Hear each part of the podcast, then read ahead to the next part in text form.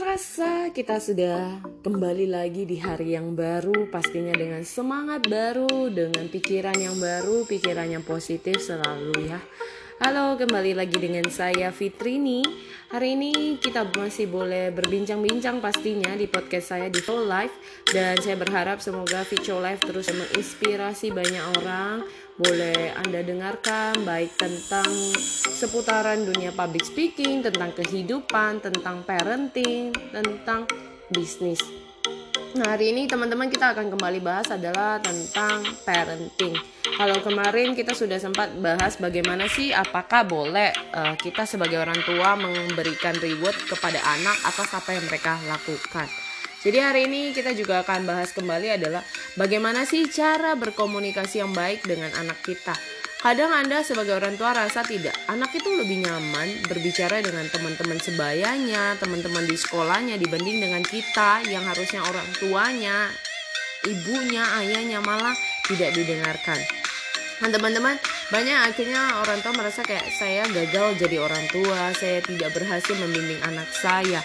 Sebenarnya tidak ada yang salah dari hal tersebut karena e, bukan salah di kita yang tidak bisa membimbing atau mendidik anak kita. Hanya caranya kita yang tidak ketahui bagaimana supaya kita bisa menciptakan hubungan interaksi yang baik dengan anak kita.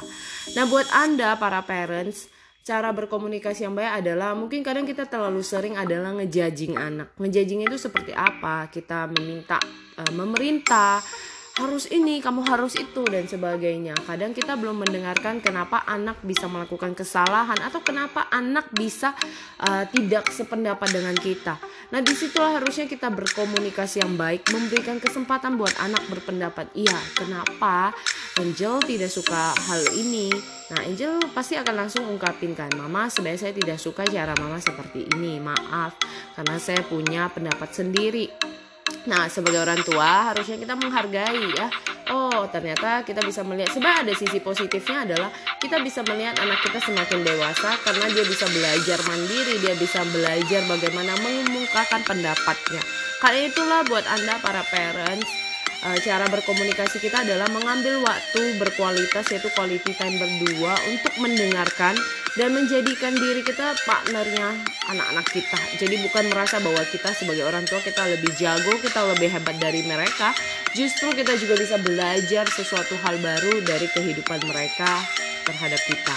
So buat kalian yang lagi berusaha untuk menjadi orang tua, tetap semangat, tetap bimbinglah anak-anak kita karena mereka lah masa depan kita, harapan kita dan biarkanlah mereka terus berkora, uh, bereksplorer, terus mencari mencari apa yang menjadi bakat mereka, talenta mereka dan apa yang mereka cita-citakan.